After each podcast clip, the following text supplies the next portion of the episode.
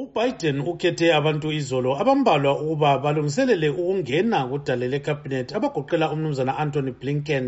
ozaphatha uhlangothi lokudlelana lamanye amazwe olwedepartment of state umnumzana john kerry ozakuba ngumcebisi obona ngokukhudumala komkhathi lokunye unkosikazi janet yellen ozangena esikhundleni sikasibalukhulu webhanga elikhulu lelizwe lomnumzana alexandro mayorkas odabuka kwelecuba ozangena kuhlangothi olubona ngezabantu bokuza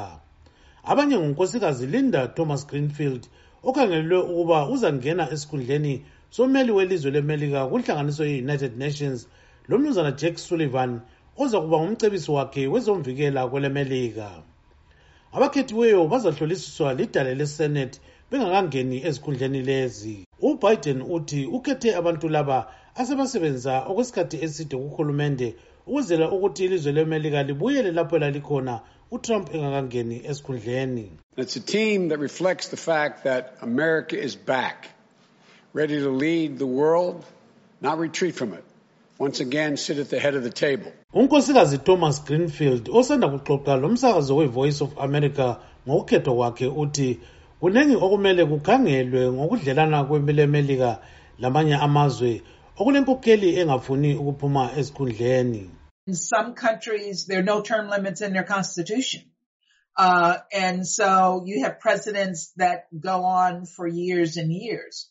But what I would say is where we've been successful in the international community and particularly in Africa is that elections have been accepted as one mode of limiting terms uh, I think the next step in that process is to ensure that elections are free and fair and transparent and that incumbents don't use the election to continue uh, indefinitely, which is what we're seeing happening in countries where, where there are no term limits. konke lokhu kwenzakala utrump elokhu esithi waqilwa libandla lamademocrats kukhetho lukamongameli akulabufakazi obuveza ukuba ubiden labanye bakhe baqila utrump ubiden ulama-electoral votes afana xathu lalawo utrump anqoba ngawo unkosikazi hillary clinton ngomnyaka ka-2016 umnumzana dan moyo odabuka ezimbabwe ohlala kwelemelika uthi kuyancomeka okwenziwe ngubiden okhethe umuntu wokuza ukuba angene kuhlangothi olubona ngendaba zekhaya ukhethe umnumzana mm, alexandro alejandro